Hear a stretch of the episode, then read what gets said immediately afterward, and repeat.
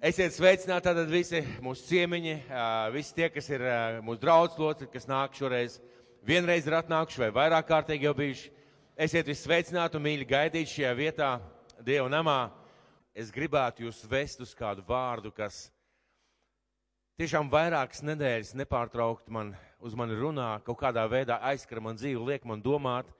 Un es saprotu, ka tas ir tā, tieši šai dienai, šim laikam, un šeit noteikti ir kāds cilvēks, kam tas ir jādzird, un es domāju, ka tas ir jādzird visiem. Un vārds, ar kuru šodien dalīšos, būs ar tādu nosaukumu. Dievs man dod nosaukums. Jūs ziniet, katrs sludinātājs ir savādāks, un katra cilvēka kalpošana ir savādāka. Dievs man dod nosaukumus tam vārdam, ar kuru es dalos, un nosaukums būs, vai tava būta lido uz mērķi vai tava bulta lido uz mērķi. Ziniet, tad, kā lokšāvējam, kad cilvēkam, kurš uh, stāv uz šīs līnijas un priekšā ir mērķis, viņam rokās ir loks, un ja viņa rīcībā ir tikai viena bulta, tikai viena bulta, tad noteikti šis cilvēks, viņš nešaus uz labu, labu la, la, laimi. Viņš noteikti ļoti rūpīgi mērķēs, viņš ņems vērā mērķa attālumu. Viņš skatīsies uz to trajektoru, viņš skatīsies, kāds ir vējš. Viņš noteikti piedomās pie savas tehnikas, un, jo viņam ir tikai viens šāviens. Un viņš vēlās ar savu bultu trāpīt mērķī. Viņš nešaus tā, izšaus vienkārši mērķa virzienā. Nē, viņš centīsies trāpīt mērķī. Un viņa šī bulta, viņa, viņš vēlēsies, lai šī bulta trāpa tieši desmitniekā. Un, eh, ja mēs domājam par lokšāvēm, esam redzējuši varbūt kādās filmās kādreiz vai kādas sacensībās, tad tā ir ļoti svarīga, uh, svarīga lieta nokoncentrēties, uh, pareizi izšaut, pareizi visu izdarīt, jo burtiski pāris sekundes, ja pāris, teiksim, kaut kādu milimetru uz augšu vai leju, un šī te bulta lido garām, vai viņa netrāpa mērķī. Es šodien gribu pajautāt, kāds ir tavs dzīves mērķis? Vai var visus mani paskatīties? Visi arī, kas noduras galvas. Jautājums ir, kāds ir tavas dzīves mērķis? Vai tā būta, kas ir tev viena, tā ir tava dzīve, vai viņa trāpīs tajā mērķī, kur Dievs tev ir paredzējis? Kur Dievs tev ir iecerējis un kur viņš ir nolicis jau no mūžības? Ja tev ir viena būta, tev ir ļoti rūpīgi jāpārdomā, vai tu izšaujot šo būtu trāpīs mērķī, vai kaut kur garām, vai varbūt kaut kādās mazākos eh, riņķīšos, Bet Dievs ir paredzējis, mīļie, Dievs ir paredzējis, ņemot pat vērā vēja virzienu, trajektoriju, kļūdīšanos, neprecizitātes, Dievs ir paredzējis, ka mēs ar savu dzīvi trāpīsim desmitniekā. Un, protams, tas nav viegli, bet pie tā ir jāpiestrādā. Un nodefinēt savu dzīves mērķi varbūt. Pamēģini uzrakstīt savus dzīves mērķi. Vai esat dzirdējis tādu teicienu, visi ceļi ved uz Romu? Ir kādreiz dzirdējis kādu tādu teicienu? Visi ceļi ved uz Romu. Ziniet, no kā šis teiciens radās? Kad Romas impērija iekaroja valsti pēc valsts, valsti pēc valsts, viņiem bija tāda saprašana, viņi tā izprata, ka Romas impērija ir pati varenākā un lielākā, ka viņu cēzars ir Dieva vietnieks, un tātad viņš gandrīz vai Dievs ir šīs zemes, un ko viņi darīja? Viņi cauri visām zemēm izvil, šeit, uz, izbūvēja ceļus. Izbūvēja ceļus, un visi šie ceļi veda uz Romu. Lielākā vai mazākā mērā šie ceļi gāja uz Romu, jo Roma bija tajā laikā šīs valsts, jeb impērijas centrs. Un pa šiem ceļiem viņi veda karaspēku, pa šiem ceļiem viņi veda gūstekņus, proviantu, pārtiku, tirdzniecība notika. Bet, kad tu gāji pa šādu ceļu, tu skaidri varēji zināt, ka šis ceļš agri vai vēlu, viņš aizies uz Romu. Tātad visi ceļi veda uz Romu. Ir tāda kompānija Coca-Cola. Un viņa radās 19. gadsimta beigās, kur kāds uh, amerikāņu aptiekārs izdomāja tādas zāles, uh, kas uzmundrina cilvēku, pievienot tur īpašas lapiņas, uh, kas arī bija tādas nedaudz toktis, toksiskas vai narkomāni tādas iedarbīgas. Un sāka pārdot lielākie, lielākā peļņa, viņam esot bijuši 8 dolāru dienā, kaut gan uh, 5 dolāru dienā, bet patēriņš viņam bija, teiksim, iztērētā enerģija un spēks un laiks bija 8 dolāri. Tad kāds veiksmīgs biznesmenis šo kompāniju pārpirka. Es daudz nezinu, bet es zinu tikai vienu, ka bija kaut kāds laiks pagājušā gadsimta kaut kur pa vidu, kad šī kompānija izvirzīja mērķi. Mēs gribam kļūt par visplašāk pazīstamāko dzērienu pārdevēju visā pasaulē. Un viņu stratēģija bija sekojoša. Mēs panāksim, lai Coca-Cola būtu katram cilvēkam rokas stiepiena attālumā. Un viņi to arī ir izdarījuši.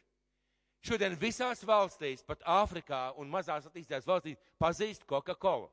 Ne tikai šo marku, ja ne tikai šo, šo uzlīmīti vai šo te uh, brendu, bet pazīst cilvēku un zina pēc garas. Ziniet, kāpēc? Jo vieni cilvēki saprata, mēs gribam izvirzīt mērķi un viņu sasniegt. Un jo vēl jau vairāk mums Dievu bērniem būtu jāsaprot, ka mums ir jāizvirz mērķi savā dzīvē. Ir jāizmirst mērķis savā dzīvē un jāsaprot, ko es gribu sasniegt, kāds ir mans dzīves mērķis. Un ziniet, kad cilvēks piedzimst, viņš sāk meklēt laimi. Es varbūt kādreiz jau par to runāju un teicu, cilvēks sāk meklēt laimi. Un mazam bērnam liekas, ka laime būs konfliktēta dāvaniņā, mantiņā, ko viņš dabūs. Pusaudzis jūtās uh, iepriecināts un laimīgs, ka pienāks diena, kad viņš varēs viens pats doties uz ielas un vecākiem nebūs jāatskaitās, kad viņš varēs darīt, ko viņš grib. O, jo viņam ir sajūta, ka tad viņš būs laimīgs. Kad cilvēki pieaug, viņi sāk savus laimes meklējumus visos virzienos. Kāds meklē bagātību, kāds meklē izglītību, kāds meklē karjeru, kāds meklē visādas citas lietas un izrādās sasniedzot šo mērķi. Šis mērķis vienkārši izgaist, viņa nav. Jo tajā mirklī, kad jūs to sasniedz, tas vairs nesniedz šo laimes sajūtu. Jo cilvēki nezina, ka patiesībā tas, ko viņi meklē, tas ir Dievs. Jo Dievs dod šo laimes sajūtu, un Dievs, ir Dievs arī ir laime. Bet kristīgam cilvēkam, ticīgam cilvēkam, kad viņš atrod Dievu savā dzīvē, kad viņš piedzīvo Kristu savā dzīvē, viņam ir šī kristīgā ticība, viņam ir bībele, viņam ir dievvvārds, viņam ir draudz, viņam ir lūkšana, viņam ir ļoti daudz kas, bet ko Dievs saka par uh, mūsu dzīvi un par mūsu domāšanu? Jo var taču dzīvot uh, kristīgu dzīvi, nākot sēžot baznīcā, darot pat varbūt kaut kādas labas lietas, darot kaut kādus labus darbus, um, ticot Dievam, uh, sakot, ka Dievs ir mans kungs un mans glābējs, un, protams, daudz kas tā arī ir. Bet ko Dievs saka par kristīgu dzīvi, ko Dievs saka par saviem bērniem, un ko Dievs saka par to, kā mums vajadzētu domāt par savu dzīvi? Kādai vajadzētu būt cilvēku dzīvē un domāšanai, eh, kas saka, esmu kristietis? Tā, lai tā būtu svētīta, lai tā būtu jēgpilna, lai tai būtu pamats un lai tai būtu skaidrs redzējums, kā sasniegt šo mērķi, kā sasniegt šīs lietas. Un es gribētu jūs vest pie Pāvela vēstules romiešiem. Pāvela vēstule romiešiem 11. nodaļa. Vai es varētu jūs palūgt atšķirt? Pāvela vēstule romiešiem 11. nodaļa.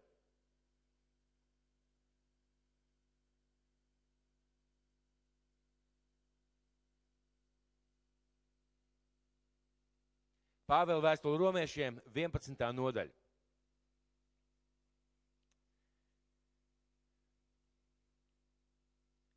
Sāksim ar 30.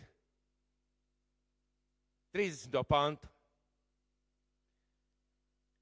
Jo kā jūs kādreiz esat bijuši nepaklausīgi Dievam, tā tagad viņam nepaklausības dēļ esat piedzīvojuši žēlstību. Gluži tāpat viņi tagad kļuvuši nepaklausīgi jūsu apžēlošanās labā, lai pēc tam paši tiktu apžēloti. Jo Dievs ir visus pakļāvis nepaklausībai, lai par viņiem apžēlotu. Un šajā vietā Dievs runā par pagānu tautām, par ebreju tautu. Viņš runā par to, ka ebreju nepaklausības dēļ uh, evaņģēlis ir gājis pie pagāniem, un uh, ka pagāni tagad ir kļuvuši paklausīgi, un pienāks diena, kad arī ebreji kļūs paklausīgi evaņģēliem. Viņš runā par to, un tālāk, tālāk viņš saka ļoti svarīgs un zīmīgs vārds.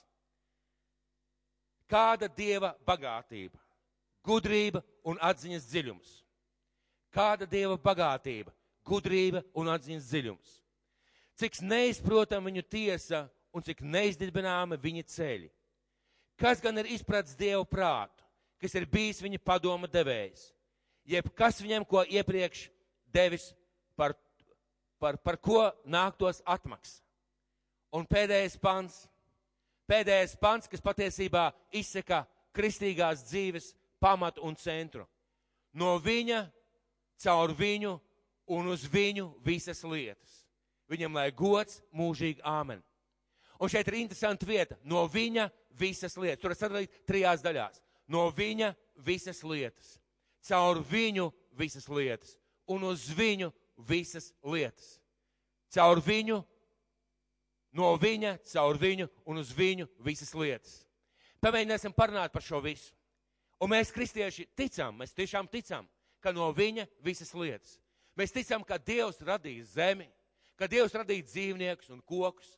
Mēs ticam, ka Dievs radīja šo planētu un radīja zvaigznes. Mēs ticam tāpēc, ka mēs redzam to fantastiski, neticam radīt, unikālu, vienreizēju radīt. Mēs ticam, ka Dievs ir radījis cilvēku. Mēs ticam, ka Dievs radījis cilvēku, jo mēs saprotam, ka tas tāpats par sevi nevarēja rasties. Mēs tam ticam, un šai lietai, ka viss ir no viņa, mēs, kristieši, ticam. Ka caur viņu visas lietas, arī tam mēs bieži vien ticam. Un ļoti svarīgi iepazīt Dievu, kāds ir Dievs lai saprastu, kas tad nāk no viņa. Jo ir lietas mūsu dzīvē, kas nāk no uh, pretinieka, no ienaidnieka, bet visas labās lietas nāk caur Dievu.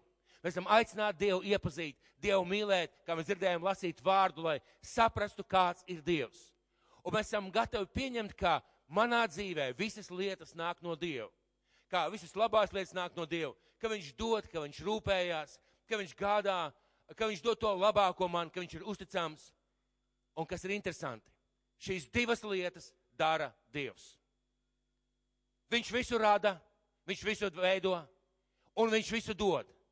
Trešā lieta ir atkarīga no mums. Trešā lieta ir atkarīga no tevis un no manis. Šī trešā lieta atkarīga no tevis un no manis. Kāpēc? Tāpēc, ka tā ir mūsu daļa. Un tagad vēlreiz izlasīsim no viņa visas lietas uz viņu, visas lietas, eh, caur viņu visas lietas un uz viņu visas lietas. Uz viņu visas lietas. Ziniet, pasaulē dabā, ja mēs šodien domājam par pasauli, Daudz cilvēku ir panikā, viņi saka, kas notiek, kari, uh, problēmas, uh, ceļās augšā kaut kādas šīs, šīs te uh, islāma radikālās kustības, kas notiek, kas notiek ārprāts, ārprāts, kas notiks pasaulē. Un patiesībā mēs varam būt pilnīgi pārliecināti. Dievs tur roku pār savu vārdu.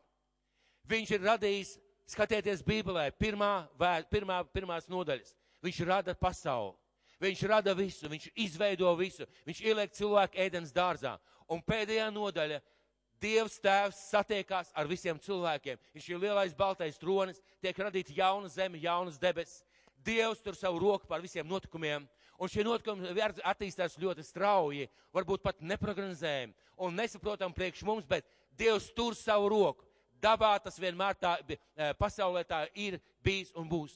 Neviens cilvēks nevar izdarīt kaut ko tādu, ko Dievs kaut kādā veidā nepieļaut. Dabā, mīļie, dabā, paskatieties dabā. Dabā patiesībā ir tieši tā pati kārtība. Mēs zinām, ka Bībele saka, ka daba cieš radības moks kopā ar mums, e, gaidot atpestīšanas brīdi. Es kādreiz lasīju un domāju, kā tas ir.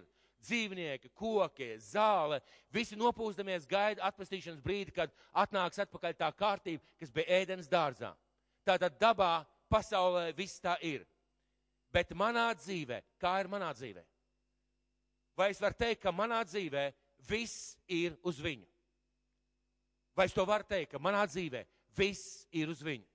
Un, protams, mēs dziedājām nesen dziesmu, es tevi mīlu, tu man esi vajadzīgs, es skatos uz tevi, amen. Un bija droši vien, ka bieži vien mēs tā arī iedomājamies, ka mūsu dzīvē viss ir uz viņu. Kā tas attiecās uz mani šobrīd? Vai viss ir uz viņu? Mēs jau dzirdējām liecību. Vai manā dzīvē galvenā lieta, svarīgākā lieta ir šīs manas personīgās attiecības ar Dievu? Vai tas ir ielikts manā dzīves centrā, kad es tā arī domāju, tā arī skatos, ka manas dzīves centrā ir manas attiecības ar Dievu. Mans laiks lūgt, mans laiks lasīt, mans sarunāties ar Dievu, kad tas ir manas dzīves centrā. Ka manas dzīves centrā ir vēlēšanās izpildīt viņu gribu savā dzīvē. Halo, mīļie draugi! Nevis vienkārši nodzīvot kristīgu dzīvi, bet piepildīt viņa gribu savā dzīvē. Un viņa griba manai dzīvei ir diezgan konkrēta. Viņš nerada cilvēku tādām vispārējiem eh, garīgiem dzīves meklējumiem. Viņš rada cilvēku, ieliek cilvēku dzīvē pirms viņa piedzimšanas mērķi. Pirms viņš atrod Kristu, Dievs jau zina, kādam, kādam vajadzētu būt šai cilvēku misijai. Tātad, vai mana dzīve ir vērsta uz to, lai es piepildītu viņa aicinājumu savā dzīvē. Vai es, rea, lai es, vai, lai es realizētu viņa mīlestības plānu priekš savas dzīves? Vai, vai, vai, vai, vai, es, vai mans dzīves mērķis ir uh, piepildīt to misiju? Mīļie, kad Dievs rada cilvēku, viņš rada ar individuālu plānu priekš katra cilvēka. Bet šie visi plāni saslēdzās kopā. Viņi saliekās kopā, mēs reizēm brīnamies, kāpēc mēs esam tik dažādi cilvēki draudzē. Kāpēc varbūt mēs tik dažādi skatāmies, vai tik dažādi domājam, tik dažādi talanti, tik dažādas dāvanas. Dievs ieliek cilvēku konkrētā vietā, konkrētā laikā, ar konkrētu uzdevumu, lai piepildītu to misiju vai daļu no misijas, kas ir šai tautai, šai draudzē, šiem cilvēkiem šajā laikā paredzēta no Dieva. Kas ir paredzēta no Dieva. Un tad jautājums ir, vai es esmu tendēts vai esmu nomērķēts uz to, lai es piepildītu savu misiju savai dzīvē. Un tikai tad, un tikai tad Dievs un Dieva vārds pagodinās manā dzīvē. Un tikai tad Dieva vārds pagodinās manā dzīvē. Un tikai tad mana dzīve sasniegs mērķi. Un tikai tad es varēšu teikt, viss ir uz viņu. Ziniet, šodien pasaulē valda cita filozofija. Un jaunieši paklausieties man, tas būs domāts jums. Reizē mēs dzirdam, ka jauniešiem veltīt dievkalpojumu nav un ka nav varbūt tādas tēmas, kas domāts jauniešiem tieši un vispār jauniem cilvēkiem. Vecākās māsas, paldies Dievam par jums, slavu Dievam senioru rulē. Bet padomājiet jaunie cilvēki un padomājiet jaunieši.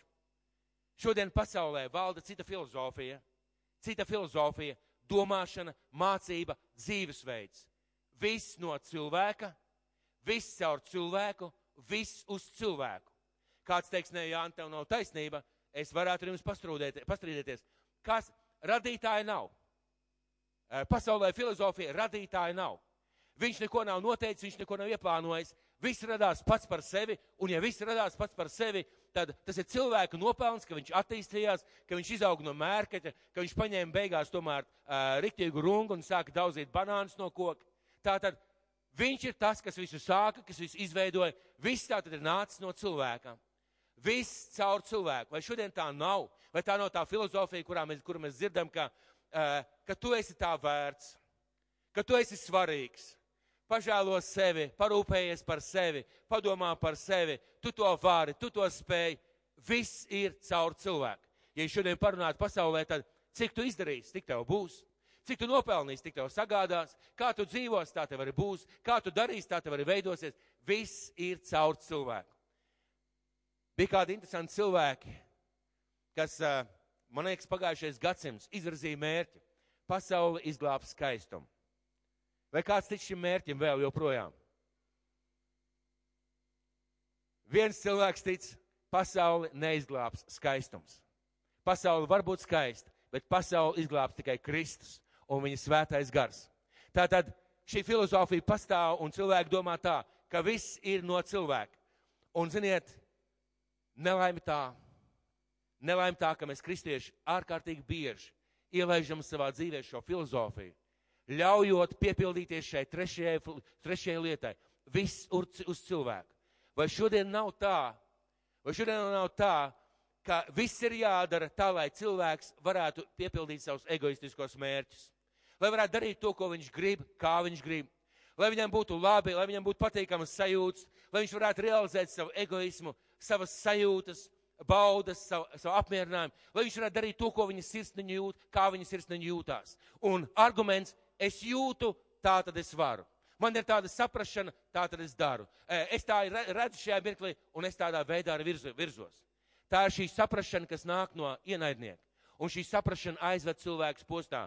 Jūs gribat zināt par mērķiem, par rezultātiem? Mēs tūlīt parunāsim.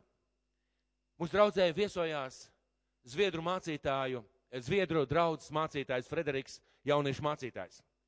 Un man palika sirdī tas, ko viņš teica, palika prātā, dvēselē, un es gribēju teikt āmen. Un ziniet, ko viņš teica? Tad, kad mēs augām, kad mēs gājām kristīgā draudzē, kad mēs kalpojam Dievam, kad mēs bijām pusauģi jaunieši, kad mēs ticējām Dievam, mēs bieži vien darījām varbūt to, ko vajadzēja. Mums teica darīt kādas lietas, mēs darījām, mēs augām, mēs sapratām, Dieva vārds saka, Bībeli to māca, Bībeli tādā veidā veido, kārto, mēs turējāmies pie vārda, mēs mācījāmies, mēs darījām to, ko vajadzēja darīt. Varbūt reizēm nepatika, bet mēs to darījām, jo mēs zinājām, ka tas ir jādara. Šeit šodien jaunatne, arī kristīgā, ziniet, kā viņi dzīvo? ja es jutīšu sirdī, tad es darīšu. Ja man atnāks sajūta, tad es to veidošu. Ja man ienāks prātā tā doma un es jutīšu, ka kāds man to domu apstiprina, tad es došos. Un tad, kad es gribēšu kaut kur doties, es došos. Kad es gribēšu kaut ko darīt, es darīšu, jo es savā iekšienē sajūtu kaut ko un es dodos tajā virzienā. Viss ir caur sajūtām, viss ir caur sajūšanu, un patiesībā šīs sajūtas ārkārtīgi bieži ir vērstas uz savu vēlmi apmierināšanu, uz savu sevi izpatikšanu, uz tām lietām, kas ir manā sirsniņā šajā mirklī. Un šī sirsniņa ārkārtīgi bieži tiek maldināta. Rezultāts ziniet, kāds ir? Drīz vien, ja nemaldos, 15. maijs, pa mūsu ielām, ielām soļos cilvēki ar varavīksnes karogiem rokās. Tā saucamā, tā saucamā homoseksuālistu kustība. Jo viņa filozofija ir, viss ir no cilvēka, viss priekš cilvēka, viss ir caur cilvēku, lai apmierinātu savas vajadzības, savus intereses, savu, savu iekārtu. Šodien mēs domājam par to, kāpēc karo uh, Ukrainā, kāpēc karš. Un cilvēki min dažādus iemeslus, dažādas lietas, kāpēc ir karš.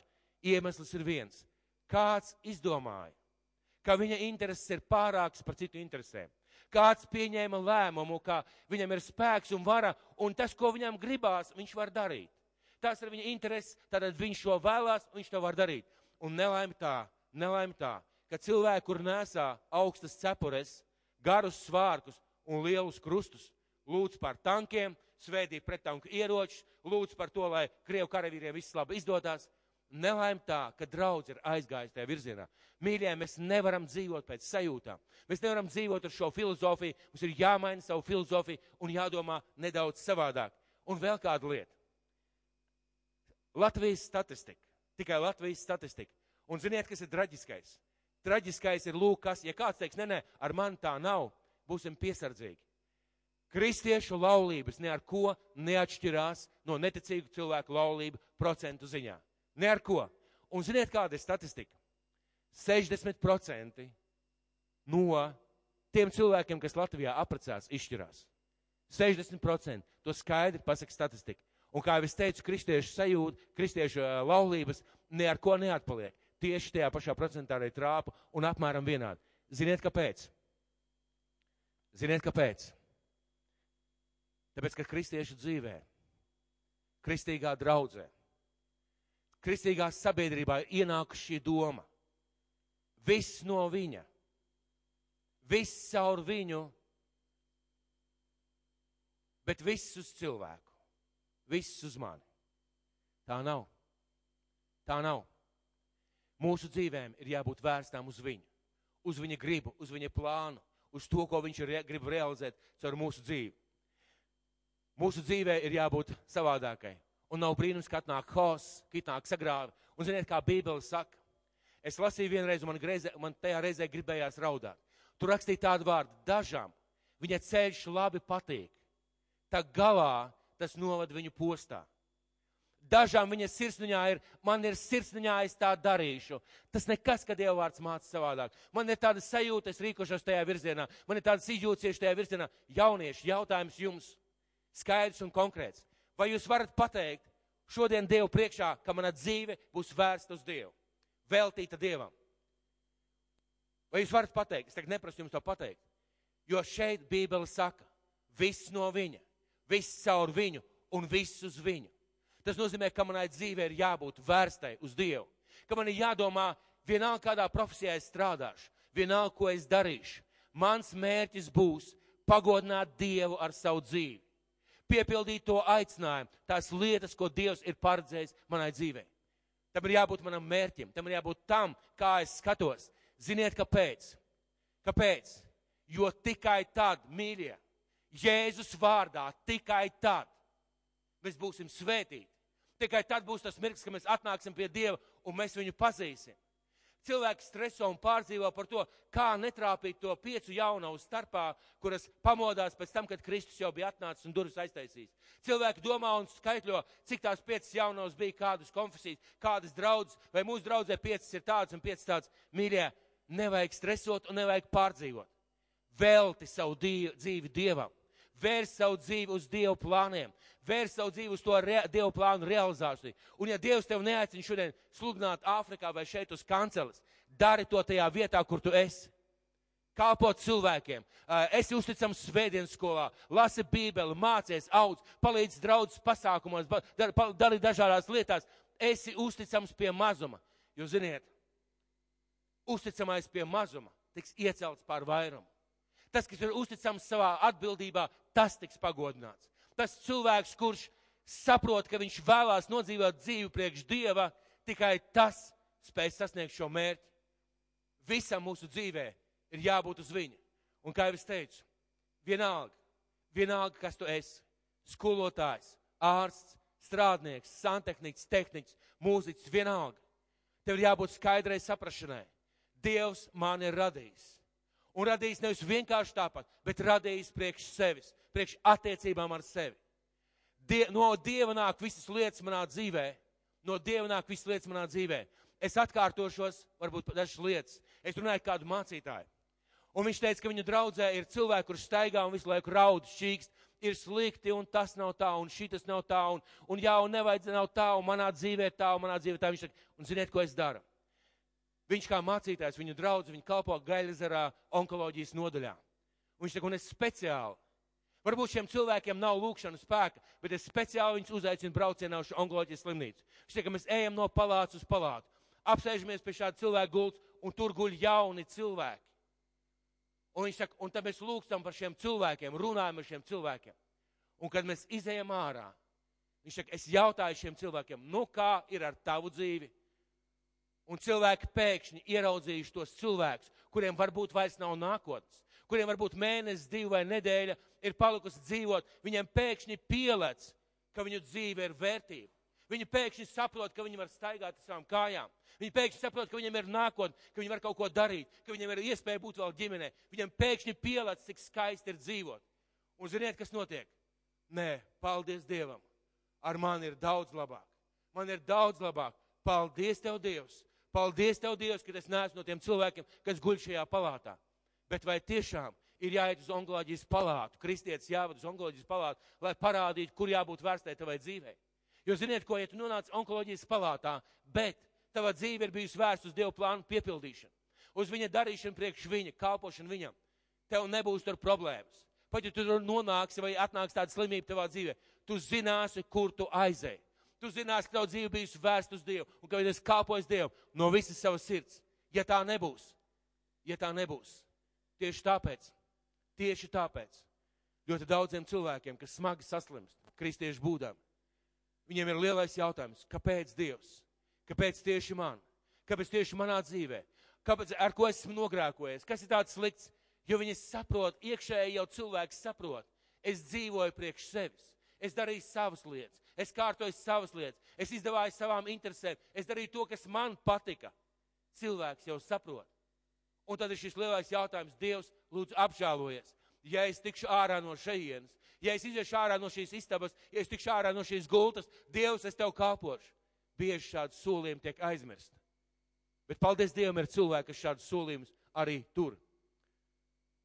Ja mūsu ceļš, ja mūsu skatījums ir viss caur mani, viss uz mani, viss no manis, mūsu dzīvē atnāk pilnīgs hauss, jo Kristus, Kristus nepagodinās augus. Kristus nepagodinās augus. Kristus nenolieksies neviena elka priekšā. Un ja tas uzcēlis savas sajūtas kā savu elku, savu domāšanu kā savu augu. Zini, Dievs darīs visu, lai tu pārdomātu, un tavā dzīvē var atnākt problēmas. Un, protams, Kristus mūs mīl. Protams, Kristus mūs mīl. Un, protams, Kristus uh, mīlestībā kaut kādā veidā mēģinās mūs mainīt. Bet šis viss uz viņu ir mana daļa. Dievs to nevar izdarīt manā vietā. Šis viss uz viņu ir mana daļa. Dievs to nevar izdarīt manā vietā. Ziniet, Kristus stāvēja. Tā kā es tagad šeit uz šīs kancels. Viņš skatījās uz Jeruzālemi. Un Jeruzālem tur bija lejā. Un viņš raudāja. Ziniet, kāpēc viņš raudāja? Viņš gatavojās atdot savu dzīvību par šiem cilvēkiem. Viņš zināja, ko tas viņam maksās. Bet šajā mirklī viņš sajūta savu bezspēcību, jo viņš skatījās uz tiem cilvēkiem un viņš redzēja, ka, šie, ka šiem cilvēkiem ir vienalga, ka šie cilvēki iet savu ceļu, Viņš zināja, ka šī pilsēta pēc kaut kādiem 40 gadiem tiks nopostīti līdz ar zemi. Templis nopostīts, viss izpostīts. Viņš zināja, ka šie cilvēki būs aplankumā, kā tas to stāsta vēsture, un, un atnāca šis, te, šis te ķeizars tic un pilnībā nopostīja. Viņš zināja, ka šie cilvēki nonāks situācijā, kā aiz bada viņi ēdīs viens otru. Viņš zināja, viņš skatījās, un viņš neko nevarēja izdarīt. Viņš varēja vienīgi raudāt. Tā ir mūsu daļa. Vērst savu dzīvi uz Dievu. Tā ir mana daļa izdarīt visu, lai man dzīve būtu vērsta uz Dievu. Tā ir mana daļa, lai mana dzīve būtu veltīta Dievam. Dievs to nevar izdarīt. Bet šis viss uz viņu. Bet šis viss uz viņu, mīļie draugi, ir ārkārtīgi praktisks. Mēs varam šeit skaļi runāt vai klusi runāt. Mēs varam šeit čukstēt, klaigāt, kliegt. Šis viss uz viņu ir ārkārtīgi praktisks. Ir ārkārtīgi praktisks. Un tie nav tikai vārdi. Ir lieliski, ja kāds cilvēks var pateikt, mana dzīve ir veltīta Dievam. Manā dzīvē viss vērsts uz viņu. Ja kāds cilvēks var pateikt kopā ar šiem Pāvela vārdiem, no viņa viss, caur viņu viss un uz viņu viss manā dzīvē. Ir lieliski, ja cilvēks tādā veidā var pateikt. Bet mums ir jāpierāda un jāierauga savā dzīvē, vai tie ir tikai vārdi, vai tie ir darbi vai sevi esmu ielicis kā Dievu savā vietā, vai mans skatījums ir cilvēki, manas izjūtas, vai tas tomēr ir Dievs. Pirmā lieta, ko es meklēju savā dzīvē, savā ticībā, ko es meklēju savā dzīvē, savā ticībā. Un visi pateiks, protams, Dievu. Skatāmies uz savām lūkšanām, skatāmies to, ko mēs meklējam, skatāmies uz ko ir vērsts mūsu lūkšanas, par ko visvairāk mūsu lūkšanās mēs runājam. Vai mēs runājam par sevi, par savām vajadzībām, vai mēs runājam par garīgām lietām, vai mēs runājam par Dievu. Sāksimies ar šo mūsu skatījumu ar Dievu. Vai attiecības ar Dievu man ir vissvarīgākās. Tas parāda šo mūsu centru, ko es meklēju savā dzīvē un pat savā lūkšanas dzīvē. Vai es meklēju Dievā savu vajadzību apmierinājumu, vai es meklēju Dievā Dievu pašu. Kas ir mans dzīves mērķis? Kas ir mans dzīves mērķis? Esmu runājis ar jauniem cilvēkiem no šīs draudzes, no citām draudzēm. Un, ziniet, reti kurš ir teicis, es gribu ar savu dzīvi pagodināt Dievu. Lielākā daļa saka, es gribu būt tas, es gribu būt tas, es gribu būt tas, es gribu būt tas, un tad kaut kur 6., 7., 8. vietā es gribētu arī kalpot Dievam, kur patiesībā vajadzētu būt otrādi. Jo Dievs to tā ir plānojis. Viņš neplāno atņemt tev tavu profesiju. Viņš neplāno atņemt tev tavu aicinājumu. Viņš neplāno atņemt tev tavu ģimeni. Viņš neplāno atņemt tev tavas labās lietas, tavus piedzīvojumus, tavus ceļojumus, tavas skaistās lietas, ziedus uz galda, pavasara smaržu. Viņš neplāno atņemt tavu ceļojumu, varbūt ar laivām pupi. Viņš plāno vienu lietu. Viņš plāno, ka tava dzīve mērtiecīgi būs vērsta uz viņu. Uz ko ir vērsta tava dzīve? Vai es varu teikt, Man reizēm nesanāk, bet es cenšos. Es cenšos iet šajā virzienā. Uz Jēzu Kristus svēto garu. Un kā es to daru? Kā es to varu izdarīt? Kā es to varu izdarīt, savu dzīvi vērst uz šo lietu? Ziniet, mīļie, varbūt kādam tūlīt tas nepatiks, bet es pateikšu pietiekoši skaidri. Dievs ir izteicis savu gribu. Tā ir viņa griba, viņa vārds, viņa izteiksme. Viņš ir nolēmis savu evaņģēliju, savu vēstu, savu valstību izplatīt šajā pasaulē caur savu draugu. Viņš ir pateicis, tā ir mana miesa. Tā ir mana miesa. Tie ir mani locekļi. Draudz ir patiesības balsts un pamats, kas visu, visur piepilda. Tas nozīmē, tas nozīmē, mīļie draugi, ka, ja, ja Jēzus to pateica, man tā arī ir jāredz. Man tā arī jāskatās šīm lietām, ka draudze ir tā vieta, caur ko Dievs vēlās realizēt manu aicinājumu un manu dzīvi. Un jautājums sākās ar jautājumu. Un šis jautājums sākās ar jautājumu, vai esmu Jēzus Kristus draudzē, viņa miesā iesakņojies, ieaudzis, vai esmu daļa no šīs draudzes sirds.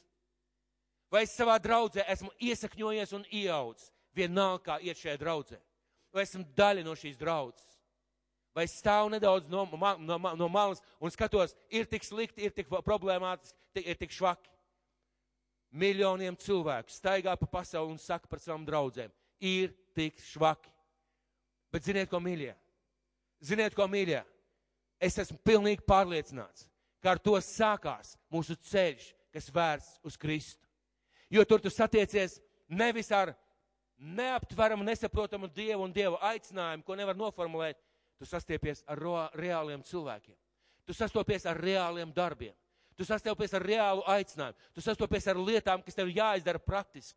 Tā var būt slavēšana, tas var būt vēl kaut kāds, tu saproties ar reālām lietām, kas ieliek tavā dzīvē spiedienu, pienākumu kaut ko darīt. Un tad tev tik ļoti negribās, ka tu skaties atpakaļ uz savām sajūtām. Tātad pirmā lieta un svarīgā, tā ir draudz. Esmu saucis ar savu draudz. Dievs mīl. Mīļie, Dievs mūs mīl. Viņš mums ir radījis priekš labiem darbiem.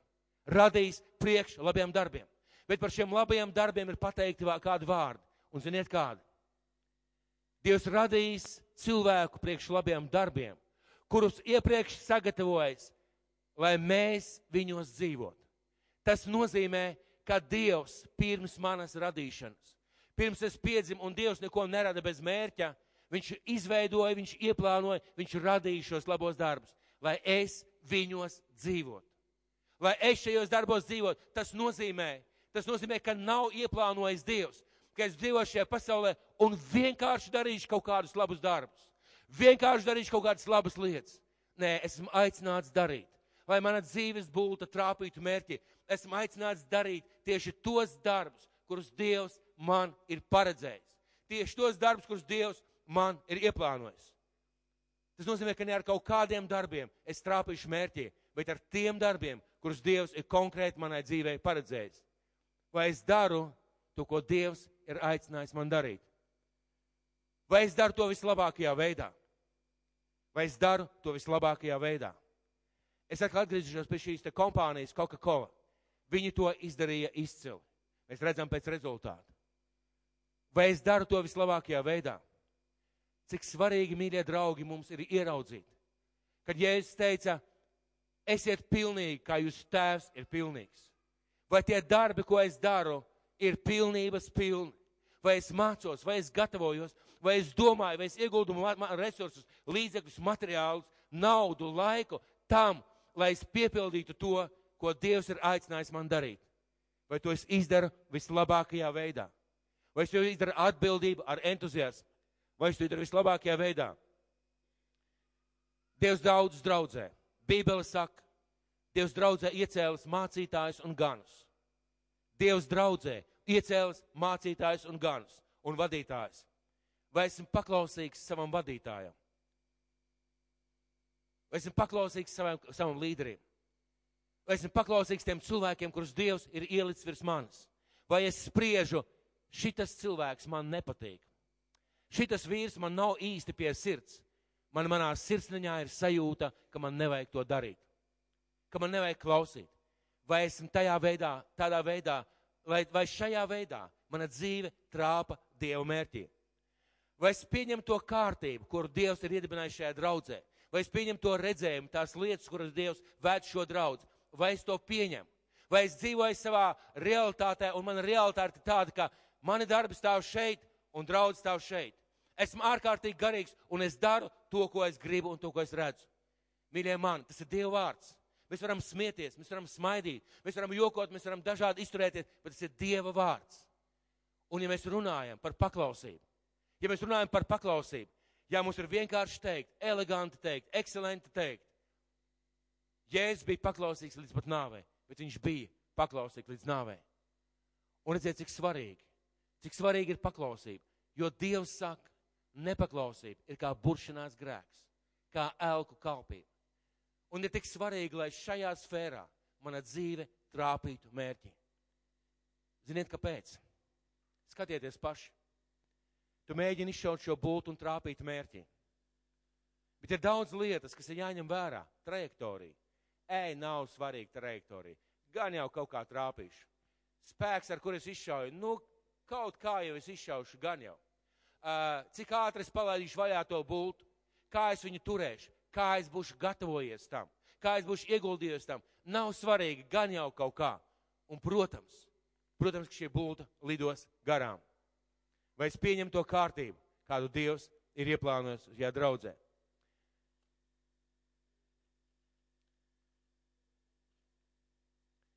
Visas lietas uz viņu. Manām dzīvē, manai dzīvē ir jābūt virzītai uz viņu. Manai dzīvē ir jābūt virzītai uz viņu. Šis viss ir jābūt uz viņu. Kas traucē? Kas traucē, lai mana dzīve būtu virzīta uz viņu? Kas traucē, lai mana dzīve būtu virzīta uz viņu? Ir vienkārši pateikt. Ir vienkārši pateikt. Tas, tas, tas vai tas. Ir tik daudz apstākļu, kurus var vienkārši minēt. Bet, ziniet, es gribētu jums parādīt kādu vietu. Es gribētu parādīt kādu vietu, kas traucē un kas ieliek cilvēku dzīvē šo domāšanu, viss caur cilvēku, visus cilvēku, viss priekš cilvēku. Jāņa evaņģēlijas, atvērsim Jāņa evaņģēliju, 12. nodaļu. Jāņa evaņģēlijas, 12. nodaļa, 42. 43. pāns. Jāņa evaņģēlijas, 12. nodaļa, 42. 43. pāns.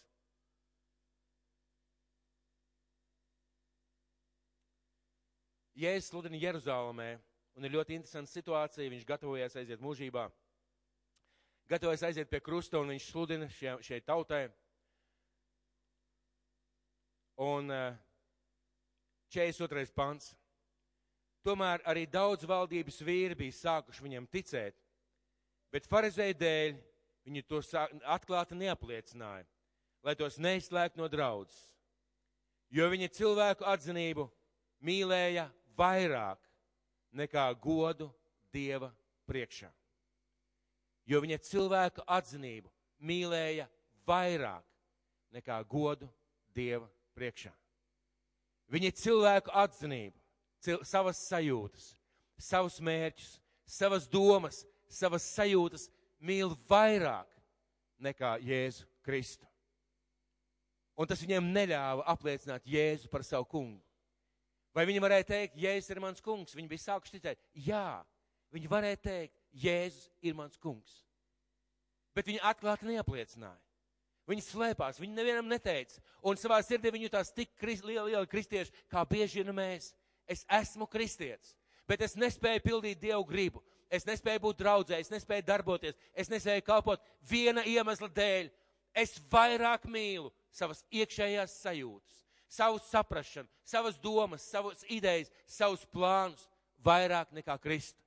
Un šeit notiek tālāk interesanta lieta. Bet Jēzus sacīja, bet Jēzus sauc, kas man tic, tas netic man, bet tam, kas mani sūtīs.